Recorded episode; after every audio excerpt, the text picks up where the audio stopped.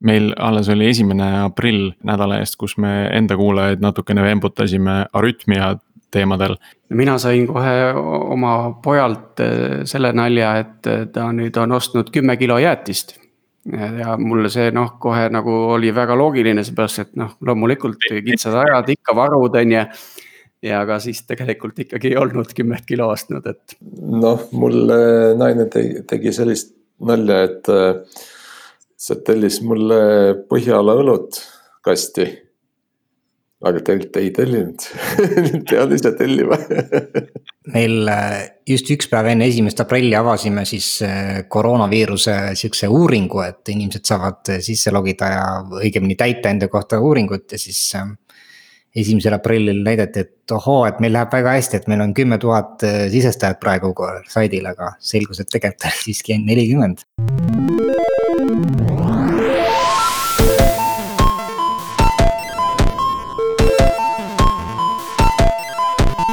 Tere taas kuulama Algorütmi, täna on üheksas aprill, mina olen Priit Liivak Nortalist ja koos minuga on taas virtuaalses stuudios Sergei Janikin Pipedrive'ist ja Tiit Paananen Veriffist loodan, et meie eelmise episoodi sissejuhatusest keegi liigselt ära ei ehmunud. täna räägime endiselt arendusega seotud teemal.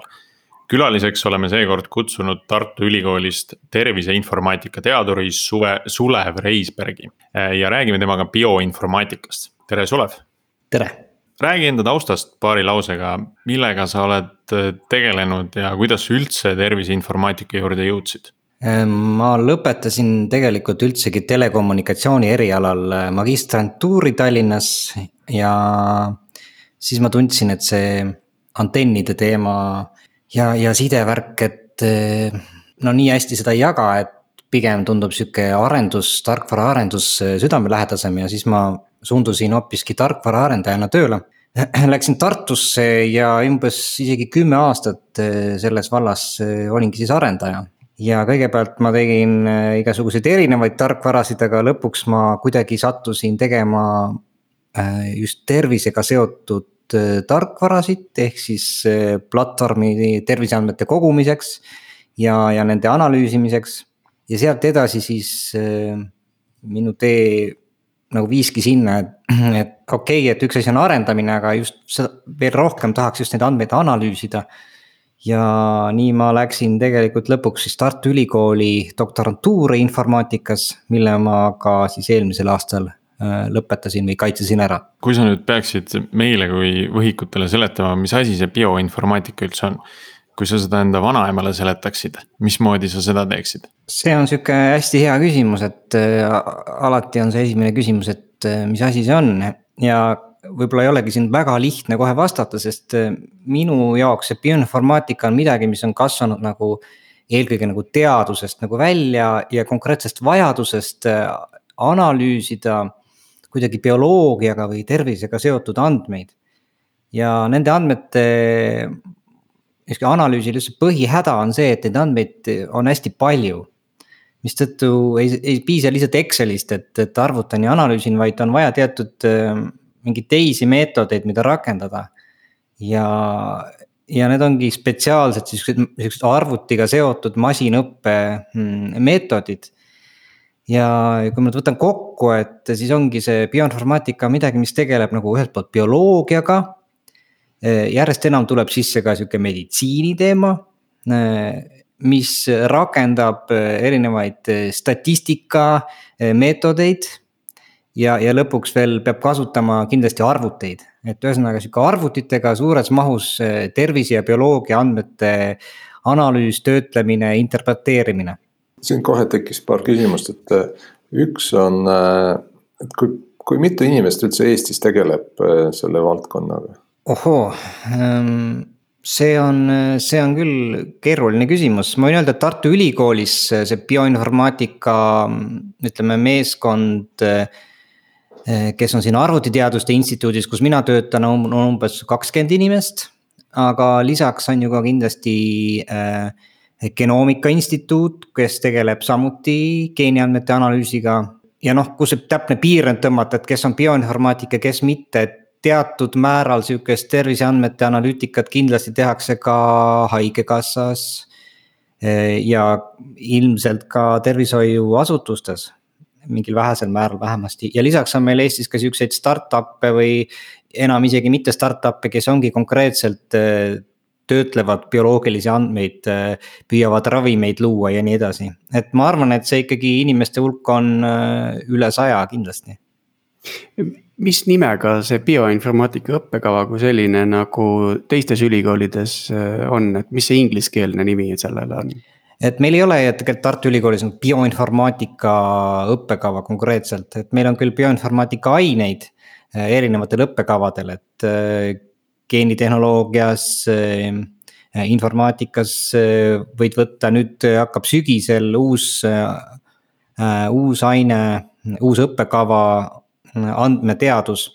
kus samuti sa saad võtta eraldi siis bioinformaatika aineid. et ma arvan, need on ka kõikides teistes ülikoolides üsna, üsna erinimedega, et küsimus on selles, et kas sa kontsentreerud ainult sellele bioinformaatikale või siis see on osa mingisugusest äh, laiemast distsipliinist? Ma hakkasin rääkima, et äh, mul tuli meelde, ma kuulasin äh, Andresen Horovitsi investeerimisfirma podcast'i, see on A16Z podcast siis, kus nad räägivad äh, üsna mm, erinevatest teemadest. Ja üks teema oligi see, et tänapäeval ega sa ei saa väga teadust teha ilma arvuti nii-öelda oskusteta või, või ilma nii-öelda sellist andmeanalüüsi oskusteta, mis eeldavad andmetea-, andme nagu analüüsi. kas on, on üldse mõtet rääkida näiteks meditsiiniteadusest äh, lahus sellest äh, osast, millega sina tegeled, sulle. kas see praegune olukord eh, toob nüüd arvutid ja arstid eh, oluliselt lähemale üksteisele, et, et kas. sa, Sulev, juba näed seda paari viimase, ma ei tea, kahe-kolme nädalaga, et midagi on toimumas eh, või, või veel mitte? Ja ma ei oska öelda, et kas see on nüüd paari-kolme nädala küsimus, et tõenäoliselt siin on nagu aastate ja võib-olla isegi aastakümnete tagune või pikkune protsess Äh, aga ma võin seda natuke seletada, et äh, noh, see on ühest küljest nagu loogiline, et äh, nagu ma ütlesin, bio, bioinformaatika alguses on eelkõige sihukest teadusest ja, ja teadmusjanust inspireeritud sihuke distsipliin, eks ole, et me. me soovime rohkem teada, analüüsime terviseandmeid ja, ja siis me lõpuks saamegi rohkem teada. aga nüüd on, nüüd on see hetk, et teadlased on oma töö teinud ja järgmine hetk on see, et nüüd, aga tegelikult tuleks rakendama hakata neid asju päris meditsiinis, neid, neid eh, teadmisi. ja tuleb välja, et see on päris eh, suur hüpe, mis on vaja teha, et, et see, kui noh, teadlane on midagi näiteks loonud.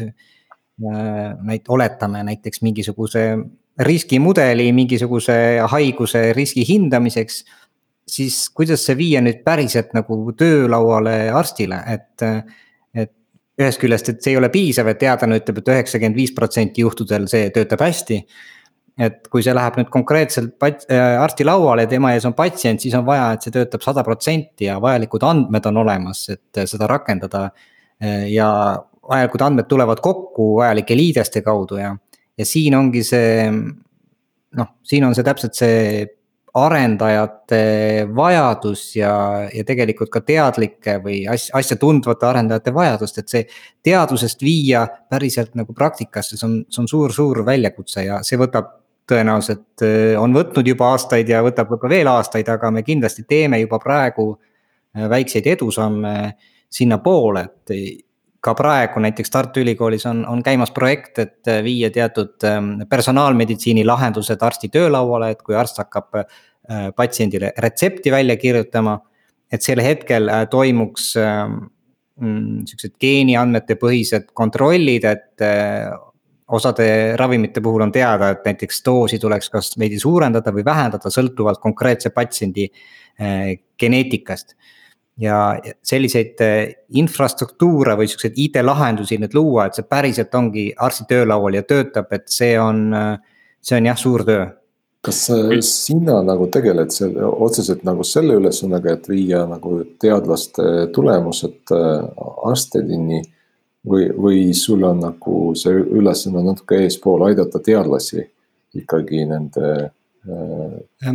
ma olen siukse, ma olen siukse, nagu ma ütlesin, ma olen olnud ise tarkvaraarendaja ka ja ma olen hästi praktilise kuidagi mõtlemisega, et ma väga ei, ühest küljest ei viitsi teha väga, väga teoreetilisi asju, kui ma näen, et see praktilist väärtust on vähe.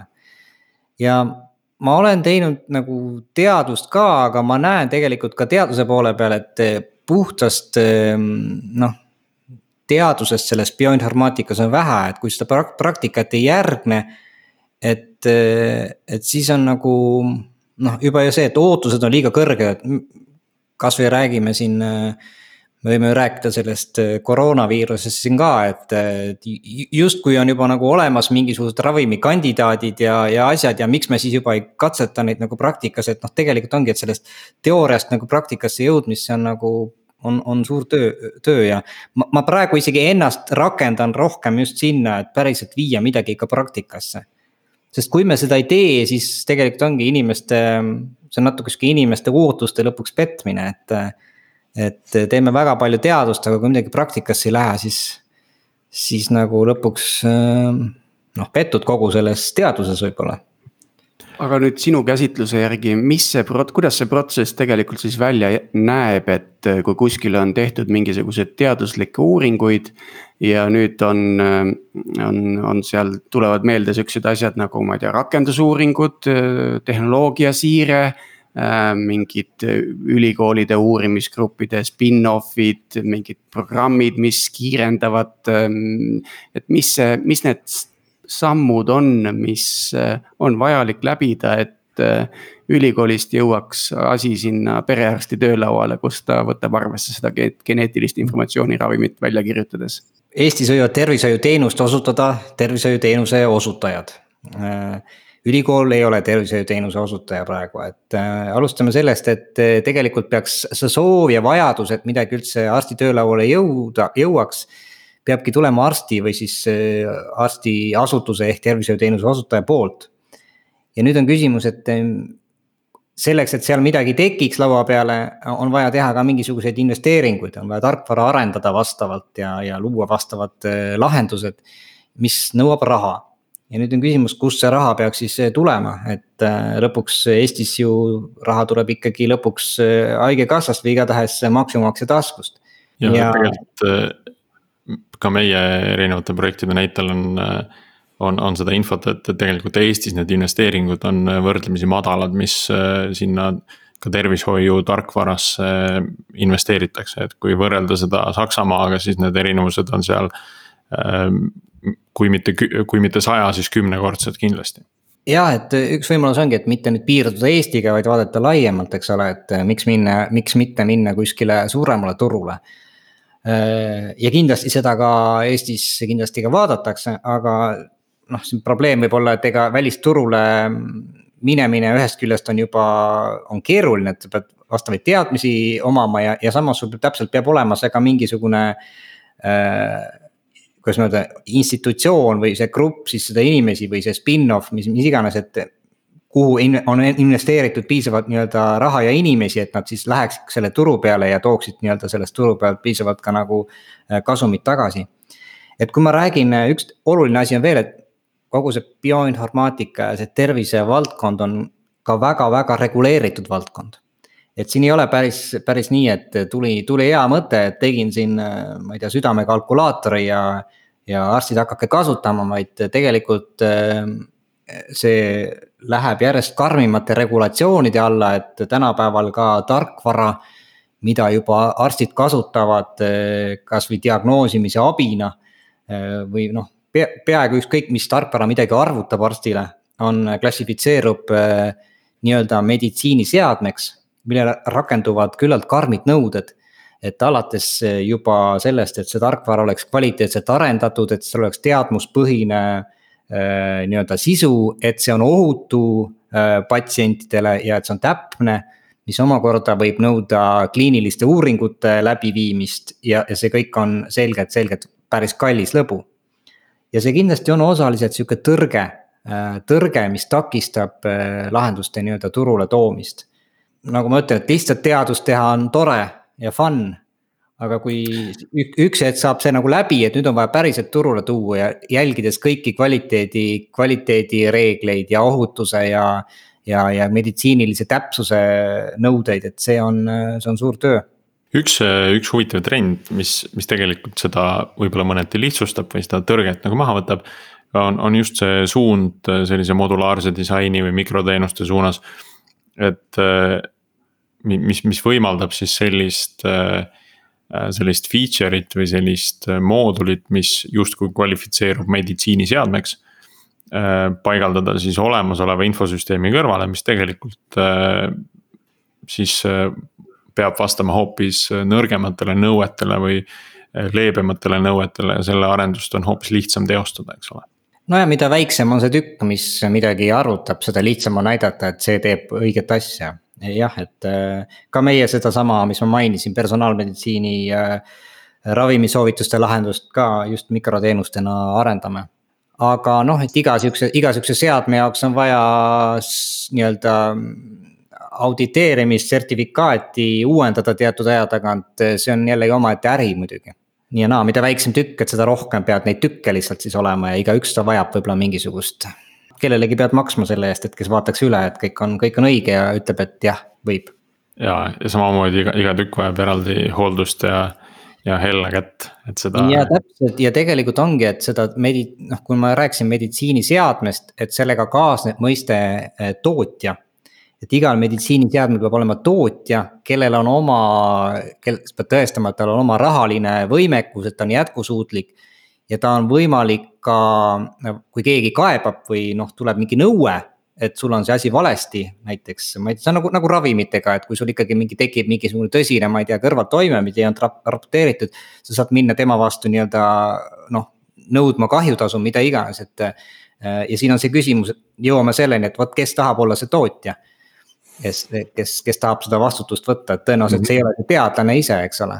et kas see on siis ülikool või see on mingisugune firma või, või noh, jah. selle jaoks on, on siis äh, tegelikult ka täiendavad äh, kindlustustooted olemas, mis aitavad just äh, tarkvaraettevõtteid kaitsta selliste juhtumite vastu. et endal on kogemus, kus sellega, kus ühes suures USA projektis sellist kindlustust sooviti kliendi poolt, et meil oleks olemas, see ei olnud küll tervise infosüsteem, aga. aga sellest hoolimata sooviti kindlustust äh, partnerile ja, ja see summa oli selline, et ükski lähinaabruskonna kindlustusfirma meid jutule ei võtnud, et nad lihtsalt laiutasid käsi, ütlesid, et noh, meie ei julge nagu seda asja teha, me ei tea nagu, millega see kokku puutub. rääkimata veel sellisest keerulisest situatsioonist, et et Eesti IT-firma teeb USA-le. noh, et on mitu sellist äh, hästi kauget riiki seotud selle asjaga. USA firmad ei tahtnud võtta, sest äh, Eesti firma, keda nad ei tunne ja Eesti ja Baltikumi firmad ei, ei tegele põhimõtteliselt noh, sellise teemaga ei ole veel nii tuttavad ja kodus, eks ole. aga noh, eks see kõik on, ma saan aru, et see on, see ongi keeruline ja, ja see on väga reguleeritud ala, aga eks see on ka vajalik, sest me tegelikult ju tahame, et täpselt need. Need ravimid, mida me tarbime, samamoodi see tervisetarkvara, mida kasutatakse, me tahame, et see oleks turvaline ja, ja kvaliteetne ja, ja, ja ohutu. Aga läheks nüüd natukene edasi ja lähemale siis arendaja profiilile, et Sulev, et mis sinu töölaual nagu tööriistadest täna on, et et kuidas sa oma päeva alustad ja, ja, ja mis, mis tööriistu kasutad? ma isiklikult hetkel äh, ütleme niimoodi sihukest ähm, produktsioonikõlblikku tarkvara ise ei arenda, et selleks on meil eraldi inimesed, kes Javas äh, seda pro äh, programmeerivad. et minu põhilisteks töövahendiks on ikkagi kas siis Python või R, need keeled ja siis vastavalt kas RStudio või Jupyter Notebook või, või PyCharm ja, ja ma eelkõige siis nende vahenditega ikkagi prototüübin midagi või otsin mingit, mingile küsimusele mingit vastutust või vastust. Äh, või siis üritan mingit kiiret raportit mingite andmete pealt midagi teha, et saada kinnitust, et jah, et see lähenemine on õige. Ja, ja siit juba edasi võib minna siis see, et nüüd on vaja sellest teha mingisugune töötav äh, produktsiooni asi, millega tegelevad teised inimesed. Äh, jät-, jätkuvalt mina olen suur Giti sõber, kasutame GitLabi ja, ja need prototüübid ka, mis ma teen, üritame Dockerites nii-öelda konteineritena vormistada. Äh, bioinformaatikas palju kasutatakse ka käsu, siukseid käsurea tööriistu, et palju on siukseid äh, just siukseid käsur ja tööriistu on nagu terve hunnik spetsiifiliselt bioinformaatikale. ja, ja andmebaasidest, andmebaasidega on niimoodi, et et kui me räägime päris sihukesest suurtest andmetest, näiteks mingisugused geeniandmed või ka näiteks kompuutertomograafia või, või röntgenipildid, need on hästi suure resolutsiooniga pildid, et neid üldiselt andmebaasides äh, minu teada ei hoita, vähemalt geeniandmeid küll ei hoita, et. aga ülejäänud, kui me räägime terviseandmetest lihtsalt, et mis su diagnoosid või, või ravimid on, et meie kasutame valdavalt nende analüüsimisel ikkagi Postgresi andmebaasi ja üks oluline asi, millega ma igapäevaselt kokku puutun, et kus ma siis neid arvutusi teen, et ma, kuna juba andmed on nii suured. siis ma neid enda arvutisse ei tõmba. vaid need andmed istuvad tegelikult siis teadusarvutuskeskuses. Ja, ja kuna andmed on nii suured, siis on ka nende liigutamine kuskile arvutuste juurde suht tülikas, et pigem on niipidi, et ma pean nüüd oma, oma arvutusskriptid ja asjad viima andmete juurde, et ma ei peaks neid suuri andmeid hakkama liigutama siin kuhugi mm. -hmm see tavapärane big data äh, analüütika siis tegelikult. jah, jah, et ega, ega, ega tegelikult ka need paljud need meetodid, mida rakendada saab äh, terviseandmete peal ongi needsamad, mida siin kuskil. Ükskõik milliste andmete peal võid rakendada, et otsid ikkagi mingisuguseid klastreid ja, ja, ja seoseid ja üritad midagi äh, ennustada.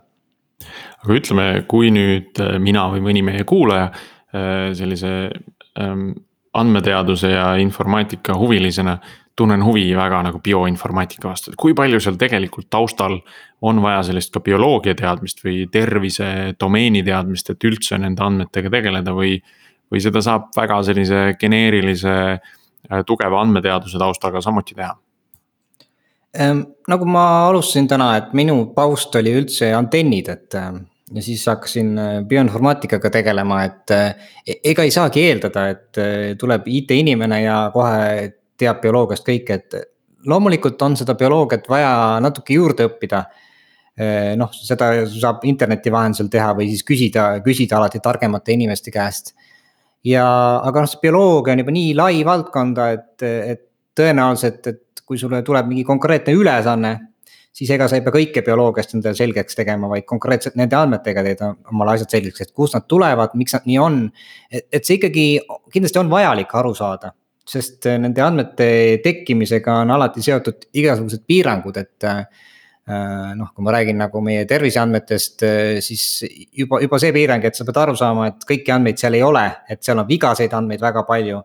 seal võib olla puudu puudu palju andmeid, millest sa ei saa aru, et nad on puudu, et need andmed on kallutatud. Äh, geeniandmete puhul kindlasti pead arvestama, et ka need andmed ei ole, andmed on osalised, äh, need andmed, mis on mõõdetud, sisaldavad palju vigu.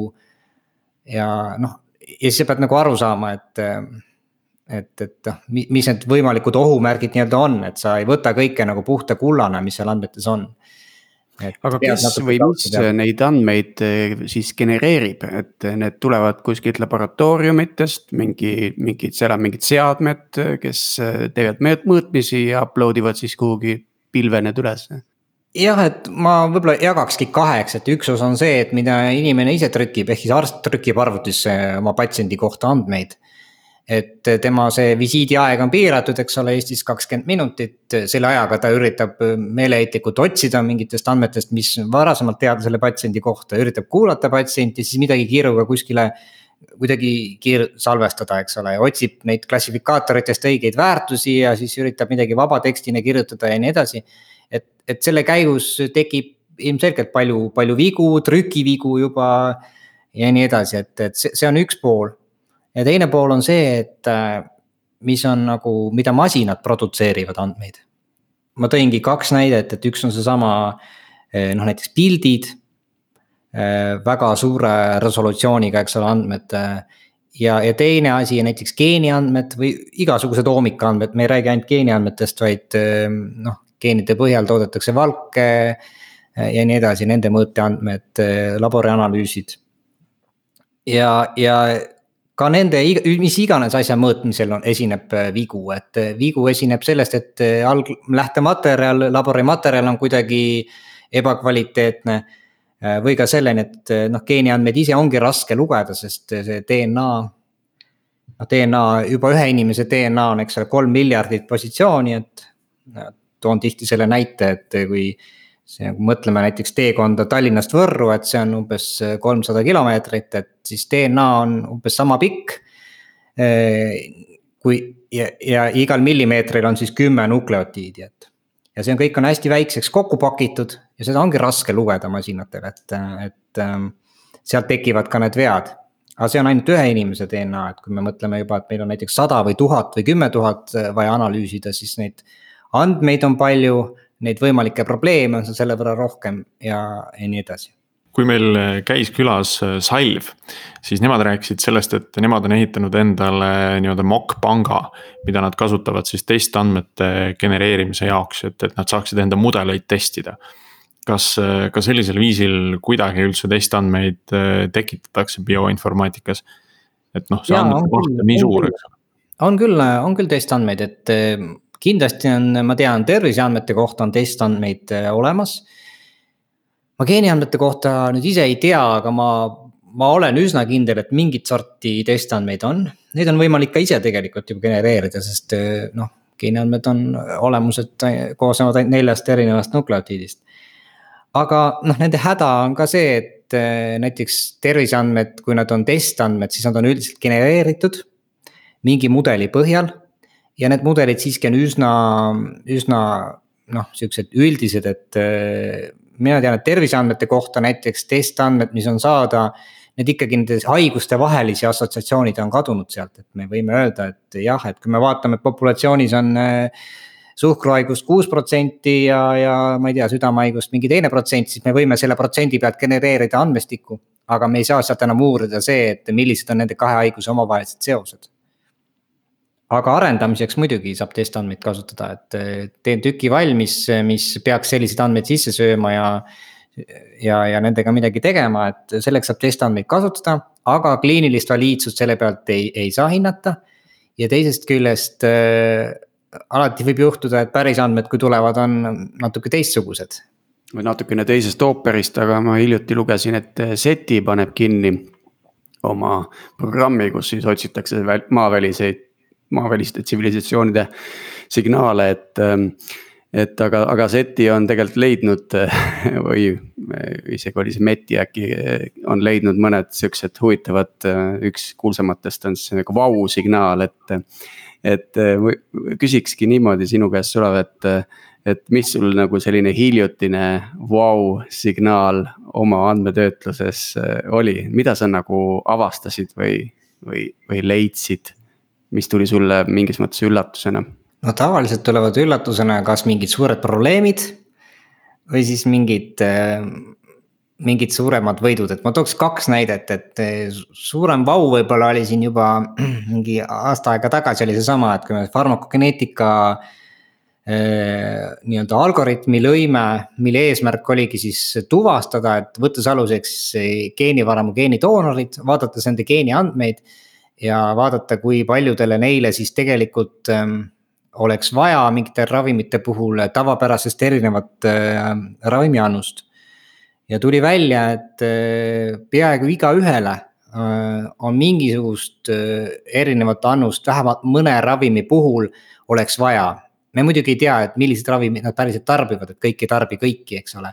aga põhipotentsiaalselt igaühe kohta leidub ravimeid, millel, mille kohta tal on vaja nagu erinevat äh, Äh, ravimiannust, ma arvan, see on päris, see oli päris hea vau mulle ja see on tegelikult ka andnud tõuke selleks, et miks me ju riiklikult nüüd üritame sedasama äh,. ravimisoovituste asja viia arsti lauale, et me näeme, et sellel on äh, oluline, oluline mõju. aga kui nagu negatiivsete vau poole pealt äh, rääkida, siis ikkagi tavaliselt on, on see asi, et et sa saad aru, et midagi on sul andmetest kapitaalselt puudu, et äh, näiteks kui me Eesti terviseandmeid analüüsime, et tahtsime analüüsida äh, haiglasiseseid äh, infektsioone digiloos olevate epikriiside pealt ja siis me saime aru, et et ega neid haiglasiseseid ravimeid sinna epikriisidesse, epikriis on siis tervisedokument. et neid sinna üldse ei kirjutata või kirjutatakse väga vähe nii et tegelikult äh, sisuliselt ei olegi neid, seda infot üldse kusagil keskselt äh, olemas, ühesõnaga sihuke suure hurraaga hakkasime analüüsima, aga selgus, et tegelikult ei saa seda teha. et kui kunagi tehti nalja, et, et see suurem probleem on ikka alati äh, ekraani ja, ja tooli vahel, eks ole. et, et siis väga paljudes äh, teemades me oleme tegelikult põrganud sama probleemi otsa, et neid kas andmeid ei ole või, või need protsessid ei toeta kuidagi neid häid ideid isegi, mis inimestel äh, tarkvara loomise juures võiksid olla. et tuleks alustada kuskilt sammuke kaugemalt äh, sellest, et hakata mingeid protsesse või taustsüsteeme muutma ja, ja kui ma räägin veel kord, et terviseandmete erilisusest on ka see, et nad on hästi sensitiivsed, ega Eestis nagu terviseandmetele ligipääs ei ole ju, ega kuskil maailmas see ei ole lihtne. et sa koostad oma mingi uuringu taotluse, taotled sellele nii-öelda heakskiitu, siis sa saad, siis saadakse, saada andmed siis sa avastad sealt, eh, ühesõnaga, see on juba tõke. see on juba tõke, et ega andmeid igapäevaselt kasutusse ei võeta ja Eestis on ka tegelikult kritiseeritud näiteks digiloo andmeid, et need on, kogume need silosse, aga ega keegi neid. noh, jutumärkides keegi neid ei analüüsi, et no me oleme küll analüüsinud ja, ja tuvastamegi sealt mitmesuguseid vigu, eks ole, ja probleeme, mida tuleks nii-öelda siis, tuleks neid andmeid võib-olla natuke teistsugusel moel kuju koguda. aga noh, see see juba see andmete väljastamine, analüüsimine, millal see protsess nii-öelda jõuab tagasi selleni, et, et okei okay,, oleks vaja natuke teistmoodi koguda, muudame standardit, siis haiglad selle ükskord nagu rakendavad, et see on sihuke viis või kümme aastat protsess, et seetõttu jah, et need on siuksed väga pika vinnaga asjad. Kuule, aga ma uurin sinu käest veel seda, et, et kui sa oled siin mitu korda rääkinud sellest süsteemist, kus on, kus siis seda ravimite kogust sätitakse vastavalt genoomile siis äh, mis selle taga on, kas, kas see on mingisugune närvivõrk, mingisugune mudel? mismoodi siis ühel hetkel kuskil on minu äh, terviseandmed äh, ja, ja kuidas siis, kui nüüd arst väljastab mingit ravimit. kuidas siis need kaks infokildu kokku pannakse sealt tehnoloogiliselt? konkreetne see näide on siin isegi mingit närvivõrku eriti ei ole, et väga lihtsal põhjusel, et seesama, et see tõenäoliselt tuleb meditsiiniseade, kus peab olema ikkagi väga selgelt jälgitav, et miks mingisugune otsus on tehtud. lihtsalt ja... hästi suur, äh, hästi suur andmebaas on lihtsalt ühesõnaga ei, tegelikult piisab mingisugusest konkreetsest äh, teaduslikust uuringust, kus on näidatud, et niimoodi on. et jah, et keegi on selle uuringu võib-olla ära teinud, aga me ei pea ise hakkama looma oma mudelit, et ja antud juhul me. selles konkreetses projektis me isegi ei loo niivõrd oma mudelit, et et siin, siin lo-, ma ütleks isegi. seda oleks võib-olla, võib-olla, võib-olla võimalik isegi teha if then else'iga, noh, meil natuke, natuke tuleb see asi keerulisemalt teha, sest sellest samast tulenevalt probleemist, et andmestikud on äh, ebatäiuslikud, et ei ole kellegi meist täisgenoomi täpselt ei ole kõike teada aga me lähtume eelkõige ikkagi teaduskirjandusest ja mingisugustest teadmusandmebaasidest. kus me võtame mingisuguse teadmuse, äh, me paneme selle, vormistame selle algoritmiks ja see algoritm töötab äh, siis geeniandmete pealt ja, ja väljastab äh, lõpuks mingisuguse soovituse, mis. noh, kas see jõuab siis arsti töölauale kuidagi või see tekib mingi dokument sellest, see on noh, omaette küsimus. aga, aga see algoritm võib olla, ma arvan, seda võib olla täiesti erinevat moodi, et farmakogeneetikas äh, kuna see asi meil ei ole veel päris valmis, ma ei oska isegi öelda, et kuidas see täpselt lõpuks hakkab olema, aga ma arvan, see on mingi kombinatsioon täpselt if then else ja siis on mingisugune natuke nutikam äh, algoritm seal lisaks veel, aga närvivõrku pigem ma praegu olen kahtlev, et, et ma arvan, et närvivõrkudel põhinevaid asju päriselt kliinilisse praktikasse praegu panna ongi keeruline just tulenevalt sellest regulatsioonidest ja, ja tõenduspõhisusest. aga kumba pidi see on, et kas, kas see sisuliselt on üks funktsioon, mis võtab sisse siis nii-öelda selle ravimi, mida tahetakse väljastada või, või siis minu genoomi põhjal lihtsalt genereeritakse üks pikk dokument arstile, mis on justkui see soovitav materjal minu kohta. pigem see teine jah, et geeniandmed on nii-öelda parameetrina funktsioonile sisse, funktsioon midagi arvutab, ütleb midagi selle kohta, et vot sinul. selles geenis on, on selline asi ja sellest tulenevalt vot selliste ravimite puhul peaks olema sellised soovitused. ja sellest tõenäoliselt tekib mingisugune dokument või on see siis vormistatud teenustena niimoodi, et kui sa lähed arsti juurde ja arst hakkab sulle vot seda ravimit välja kirjutama, siis on võimalik sellest funktsiooni väljundist vaadata, et kas selle kohta on mingit soovitust. kui nüüd mõelda meie noorematele kuulajatele, kes alles valivad omale karjääriredelit või valdkonda, et äh, oskad sa öelda, kuidas kõlab bioinformaatiku välimääraja? Et äh, me siin teame, et äh, arendajate kohta. milline see peakuju olema peab, eks ole. jah, et erinevaid äh, nagu kirjeldavaid viise. testijatel on teatud peakuju, eks ju. süsteemi administraatorid on teatud eel, eelistused ja, ja lähenemised, et. et kõik kõigile ei, kõigile ei sobi, et milline on bioinformaatiku peakuju see kindlasti pead arvestama, et siin asjad ei ole nagu ette spetsifitseeritud. et see jätkuvalt on sihuke ikkagi sihuke teadus, teadusharu osalt, et, et siin on palju avastamata maad ja palju, ühest küljest see on nagu hea, et. või võib-olla nagu halb, et, et midagi pole ette öeldud, et sa pead ise hakkama välja mõtlema, aga teisest küljest jällegi hästi palju on võimalusi. ja ma ise suhtlesin ka siin just meie selle Java arendajatega küsisin, et noh, et mis siin on äkki, mis selles projektis, bioinformaatikas on nagu teistmoodi. siis nemad ütlesid, et ähm, seesama, et äh, on palju nagu väljakutseid, et kuidas selle suurte andmetega nii-öelda üldse hakkama saada, et äh,. et noh, neid ei hoita juba andmebaasides, vaid kuskil failides ja ja, ja samas kuidas, kuidas on töötada nii-öelda mürarikaste või puudulike andmetega. ja ja kus, mis nad ütlesid veel, et jah, et seesama, et, et ühest küljest sa nagu näed, et mida teadlased on teinud ja sa näed, et nagu see algusots on nagu ära tehtud juba, aga nüüd on vaja siit edasi minna, et, et. ma ütleks, et, et kui keegi nagu mõtleb nüüd, kas nüüd teadlasena bioinformaatika peale või ka arendajana, siis ma ütleks, et see põhiasi on see, et sa ei tohi nagu võtta nagu seda kui võimalust, et siin on palju vaja ise mõelda, ise lahendusi pakkuda, sest õigeid lahendusi veel ei teata, et isegi see geneetika ja genoomika, et see on ju ikkagi veel väga nagu arenemisjärgus, keegi veel ei tea, kust see suur-suur nagu võit siin praegu tuleb, et siin äh,. seda avastamist on siin hästi palju.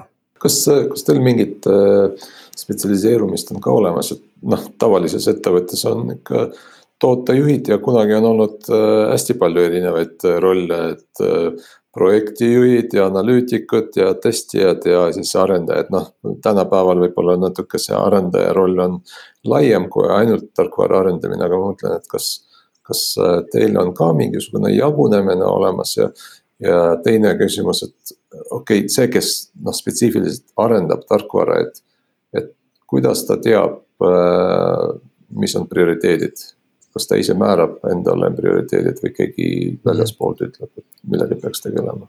kuna ma hetkel, eks ole, ei esinda siin ühtegi nagu ettevõtet, vaid ülikooli, kes on sihuke natuke, kus üldse see noh, sihtide seadmine on kindlasti vabam kui kuskil äh, nii-öelda kellegi kliendi teenindamiseks, eks ole, et. põhjus üldse, miks ma tulin ka kui arendajast, arendusest ära, oligi see, et mulle natukene hakkas piirama see, et vot tee ainult seda nagu, et mida nagu vaja on kliendi jaoks ja ma tundsin, et seda vabadust äh, on nagu vähe ja seda kindlasti siin ülikoolis on seda akadeemilist vabadust palju rohkem, et juba see, et millal sa töötad ja. ja mis meetodeid sa siis täpselt valid ja kuidas sa teed, et seda vabadust on rohkem. küll aga, küll aga muidugi rollid on natuke erinevad, et äh, bioinformaatika võib, võib nagu väga laialt vaadata ja inimesed ikkagi spetsialiseeruvad konkreetsetele asjadele, et kes siin teeb äh, pildianalüüsi näiteks siin on äh, meil olnud nende elektronmikroskoopide pildid, et sealt pealt midagi tuvastada või mingeid rakke kokku lugeda või midagi sellist. kes töötab siin rohkem terviseandmetega, tunneb nii-öelda peensusi, et kuidas terviseandmeid kogutakse, mis klassifikaatorit kasutatakse, mis probleemid seal on. kes tegeleb geeniandmetega ja nii edasi ja kindlasti on ka, on ka rollid erinevad, et noh, kui me teadusest räägime, et alati on mingid uurimisgrupid. millel on siis uurimisgruppidel on juhid. Äh, kelle ülesanne on siis tagada seda, et see uurimisgrupp nii-öelda täidab seda enam-vähem eesmärki, mis, mis tal laias laastus on antud ja tagada, küsida igasugused load ja, ja ressursid ja nii edasi. aga jätkuvalt, et see on kindlasti palju vabam kui kuskil äh, tavapärases nii-öelda IT-ettevõttes. ja eks, kuidas küsimus oli, et kuidas nagu tööde, mis on prioriteet, et äh, noh, nagu uurimisgrupis ikka, et tavaliselt on äh, pidevalt pidevalt arutelud küsimuste üle, et mis hetkeseis on, mis on probleemid, kuhu oleks mõttekas, mis suunas edasi minna, et äh,. pigem see on sihuke sisemise suhtluse, suhtluse teema ja, ja praegu siis koroona ajal ongi ainult äh, telefonikonverentsid üle online meeting ud, eks ole, kus sa üritad oma seda sihti seada. kas äh, teil ka code review sid on näiteks? Mingil määral, mingil määral on, kuigi jah, et teadustöös üldse mingit äh, koodi testimist kui sellist on ilmselt võrdlemisi vähe. et on sihukest peer review'd on tavaliselt mingi, kui sa oled mingis kommuunis või mingis konkreetses projektis et kui me räägime jah teadusest, et siis mingit koodi testimist, ma arvan, on võrdlemisi vähe. et äh, loomulikult mingeid unit teste ja nii edasi, sul tuleb ikkagi teha, et mida, mida rohkem sa mingeid programme arendad, et see asi lihtsalt katki ei läheks. aga kui ma räägin juba sellest, et kui me hakkame nüüd teadust rakendama äh, päris meditsiini, siis ütlesin ka, et, et noh, et kogu kood peab olema kvaliteetselt arendatud, mis tähendab kindlaid nii-öelda protseduure ja, ja seal on juba kindlasti vaja jah, et äh, koodi ülevaatus, automaattestid ja nii edasi. Sina oled sellises äh, noh, kuidas öelda siis mugavas research positsioonis. et, et see ongi see koht, kus mängida, katsetada ja, ja panna see pokk kokku, mis tegelikult lõppkokkuvõttes visatakse minema, võetakse sealt see idee ja parimad palad ja see fakt, et see töötab. ja, ja tehakse see siis täiesti uuesti äh, vastavalt praktikatele, mis, äh, mis vastavad ka erinevatele normidele ja nõudmistele nojah, jah, et nii see teadus, nii see teadus käib jah, et proovid läbi sada erinevat varianti, mis muidugi on ka frustreeriv, sest paljud asjad ei tööta tavaliselt ikkagi ja paljud nägid palju vaeva, aga. lõpuks see iva, mis sealt nagu välja koorub, et siis sa saad aru, et sellest võiks midagi päriselt praktiliselt teha, praktilist teha. võib-olla veel, mis huvitab, on, on see, kuidas me ju teame ajaloost on äh, erinevate ravimite manustamisel ja. Ja see isegi kampaania korras äh, nagu väljakirjutamisel on olnud äh, hiljem päris palju kõrvalnähte kuni ma ei tea, tuleb meelde siin praegu Ameerikast lapsed sündisid ilma jäsemeteta ja nii edasi, et. et kas sellist andmestikku ka kuidagi jõuab ülikooli või see jääb nagu ravimifirmade nagu pärusmaaks? loomulikult mis iganes ravimi turule toomisega peab see läbima vastavad kliinilised uuringud. Mille raames neid kõrvalmõjusid ikkagi uuritakse ja hinnatakse. Eh, ja hinnatakse ka seda, et need kõrvalmõjud on ikkagi selleks, et ravim üldse turule saaks. on vaja see, et see kõrvalmõjud on nagu nii, nii vähesed ja ei, ei kujuta kellelegi nii-öelda tõsist ohtu ja, ja seda vaatab läbi siis Ravimiamet. Äh, neid uuringuid, äh, kas siis Eestis või, või Euroopas laiemalt, et tegelikult on ikkagi nii, et need. Äh, ma olen täiesti kindel, et need ravimid, mis turule tulevad, et need on need uuringud läbinud korrektselt ja, ja tõsiseid, tõsiseid, tõsiseid elu, elu ohustavaid kõrvaltoimeid tõenäoliselt ei ole loomulikult mis iganes ravimiga mingisugused väiksed kõrvaltoimed alati võivad tekkida ja võivad tekkida kõrvaltoimeid, mida nende vaatamata kliinilistele uuringutele ei, ei tuvastatud. aga selleks on, et ongi iga tootja kohustus viia läbi ka niinimetatud post-marketing uuringuid kus uuritakse juba konkreetselt seda, et vot nendele inimestele, kes need ravimid siis päriselt said, et kuidas neil edasi läks, milline neil elu, elulemus ja elukvaliteet ja nii edasi oli ja neid saab teha ka tavaliste, tavaliste terviseandmete pealt, kasvõi, kasvõi digiloo andmete pealt põhimõtteliselt on võimalik. ja seda ka tehakse. nii et, äh, nii et ja, ja, lisaks on igal arstil veel kohustus raporteerida kõrvaltoimetest äh,. äh kui ma ei eksi, siis tervise, terviseametisse. et äh, ja igatahes võib olla, et kui mingisugused kõrvaltoimed ikkagi oluliselt ilmnevad ja neid monitooritakse ka üle-euroopaliselt. et minu teada Rootsist, et, et kui kuskil midagi ilmneb, siis on võimalik nii-öelda see ravim turul olek nagu peatada. et ma olen üsna, usun, et see osa on päris hästi reguleeritud üldiselt meil aga Sulev, kui Sergei siin enne uuris erinevate rollide kohta, et kes on sinu tooteomanik, kes, kes nii-öelda sellist backlog'i peab, et mis on üldse need teooriad, mida testida, mida otsida.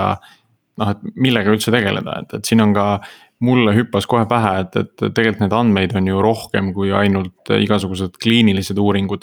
Et on ju ka, ma ei tea, Samsungil on mingi health'i äpp, Google'il on mingi health'i äpp, osa nendest andmetest on tehtud ka avaandmeteks, et noh, et samamoodi võiks ju minna sinna kaevama ja tuhlama. Aga et kuhu seda fookust seada, et kes, kes selle välja mõtleb? jah, et teadlasena on ju see vabadus, et sa võid ükskõik mida uurida, et ise valid, et noh, loomulikult kui, kui teadlane soovib ka nagu palka saada, et siis ta peab ikkagi osalema vastavatel granditaotlustel, et millegi uurimiseks raha saada. ja, ja Eestis kindlasti see ka päris palju nagu määrab, et meil ju teadupärast nagu Eestis sihukest baasrahastust on võrdlemisi vähe, mis tähendab seda, et ongi uurimis, juhtivteadurid peavad ise otsima Euroopast ja mujalt võimalikke projekte. kirjutama taotlusi, et mida uurida ja siis vastavad komisjonid nii-öelda hindavad, et kas sellel asjal on nagu potentsiaali või mitte. Et see paljuski määrab seda noh, mida uurida, kuidas uurida, see ja teatud mõttes see tagab ka, eks ole, kvaliteedi, et päris mõttetuid asju ei uuritaks, et oma raha eest võid teha muidugi mõttetuid asju ka. see on natukene nagu iga kord tõstad raha uue startup'i jaoks. et noh, kui sa oled juba nagu established, siis on nagu lihtsam, aga seal mulle tundub, et minnakse välja justkui täiesti uue ideega, hakkaks nüüd seda uurima. no ma arvan, et see granditaotluste, see on vastupidi, et seal ikkagi tegelikult äh, väga palju see, mida sa oled juba teinud ja mis see sinu stardiplatvorm on, et see on ikkagi väga oluline nende, nende rahastuse saamisel, et et kui sa ütled, et ma olen mingi täiesti null, noh, uus teema ja mul igasugune kogemus puudub ja ma üldse pole teadust enne teinud, et siis see. tõenäosus mingit rahastust saada on väga-väga väike, et pigem on see, et, et nagu teaduses ikka, et ega mingi asi ka ei teki tühja koha pealt, et, et alati on väga palju eelnevat teadmust peab olema tehtud. ja sa kuidagi nüüd jätkad selle koha pealt, kus kas keegi teine või sa ise oled pooleli jäänud ja et sa näed selle asja potentsiaali. aga loomulikult iga asi on riskiga, et jah, võib tulla, et ei, ei saa raha ja jääbki see asi sinnamaale. kui palju nüüd äh, sellises faasis äh, kaasatakse arendajat? et just, et seda äh, granti taotleda, et sinna siis mingisugust, ma ei tea, tehnilist infot sisse kirjutada, otse loomulikult, kui sul on mingi POC olemas selle jaoks. siis see läheb lihtsamalt, eks ole et aga kui palju seal nagu see arendaja ninapidi sees on, et, et üldse sellist teksti kokku kirjutada, et seda taotlust kokku kirjutada? ma tegelikult arvan, et väga palju ei ole, et arendada, et, et eks need taotlused on ju ka väga siuksed teadus, ähm, teadus, äh, teadusliku orientatsiooniga.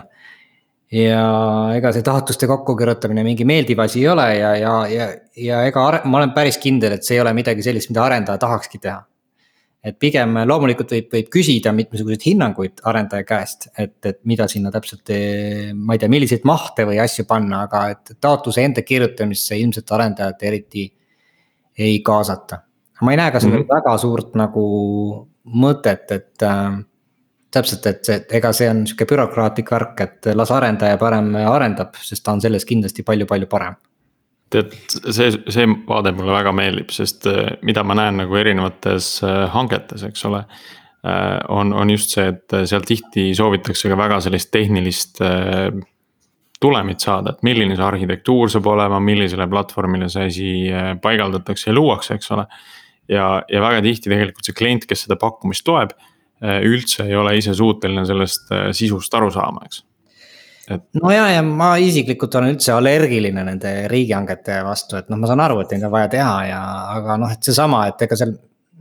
seal ei ole ju seda vabadust tegelikult nagu tegelikult head lahendust pakkuda, tihtipeale seal ei ole riigihangete puhul, et, et täpselt kõik on, ühest küljest on kõik juba natuke nagu ette kirjutatud ja siis pead sa kõik enne juba välja mõtlema, et mismoodi siis teha, aga tegelikult tahaks ju siis. projekt hakkab peale, et siis tahaks hakata mõtlema, mis see ideaalne lahendus või mis see parim lahendus ja mida selle raha eest oleks võimalik maksimaalselt teha, et. et jah, nii on ja just see, mis sa räägid nendest grantidest näibki, näibki olevat selline, et sa püstitad oma äh, nii-öelda selle põhja äh, ja siis äh, omades teatavat tausta, teatavat kogemust, suutes seda näidata. Eh, saad sa selle pinna pealt nii-öelda edasi minna täpselt nii, kuidas eh, ise õigeks pead, ja, ja teadusprojektides kindlasti see vabadus on äh, suurem, sest see ongi ju selleks, et luua mingit uut teadmust ja keegi ei oska täpselt, et kuidas sa selle nagu jõuad, et natuke neid vahendeid ja meetodeid sa saad ise valida, et see on nagu. no mõnus jah. Mind huvitab veel see, et äh, Sulev, mis sa nüüd bioinformaatikuna toimetades muud oled kõrvalt viimasel ajal ehitanud, äkki sul on mõni lahe teenus, nipp, äpp, mida sa oled arendanud oma lõbuks võib-olla? oeh, oeh, noh eks, eks see bioinformaatika ja kõik, kõik see võtab päris palju nagu aega ära. see tuli praegu nii ootamatult küsimus, et kohe ei oska, kohe vist ei oskagi nagu vastata, eks ma mingisuguseid eh, enda, enda lõbuks mingisuguseid programme olen ikkagi nagu loonud, et mingisuguseid kalkulaatoreid, aga, aga ma kahtlen, midagi kohe väga head ei oska nagu välja nimetada praegu. Et mul tegelikult sihuke arendaja, mulle meeldib nagu asju luua, et mulle meeldib see, et arvuti teeb minu eest midagi ära. aga nihukeste asjade arendamine nõuab ka veidike aega ja pühendumist. Ja, ja noh, võiks seda teha, aga siis jääks mingid teised asjad jällegi tegemata ja, ja kuna ma ikkagi pean juhtima ka nii-öelda teiste inimeste tegevusi, siis paratamatult eh, ise ei saa nii palju nende fun arendustega tegeleda ja täpselt sama asi, et need, mis on nagu fun asi, et tihtipeale selle jaoks noh, ei ole keegi veel raha andnud, et seda peab tegema muude asjade kõrvalt, et. keegi ootab, et te teeksite raha eest ikkagi mingeid teisi asju. Aga, aga mhm. seotud küsimus, mis sa just mainisid, et sa pead ka juhtima teisi inimesi, et mille alusel sa need inimesed oma tiimi võtad? kes seda nüüd siis täpselt oskab öelda, eks ole, kindlasti ma hindan väga seda, ma alati nagu räägin inimesega ja hindan seda avatust inimesele, et kuidas, ma tahan näha, et kuidas ta nagu mõtleb, et kas ta ka mõtleb nagu loogiliselt, kas ta. kas ta, kuidas ta on, et inimesi on eri tüüpi, et kas, kas ta eeldab seda, et talle kõik öeldakse nagu ette, kuidas spetsifitseeritakse, et kuidas saab arendada või ta.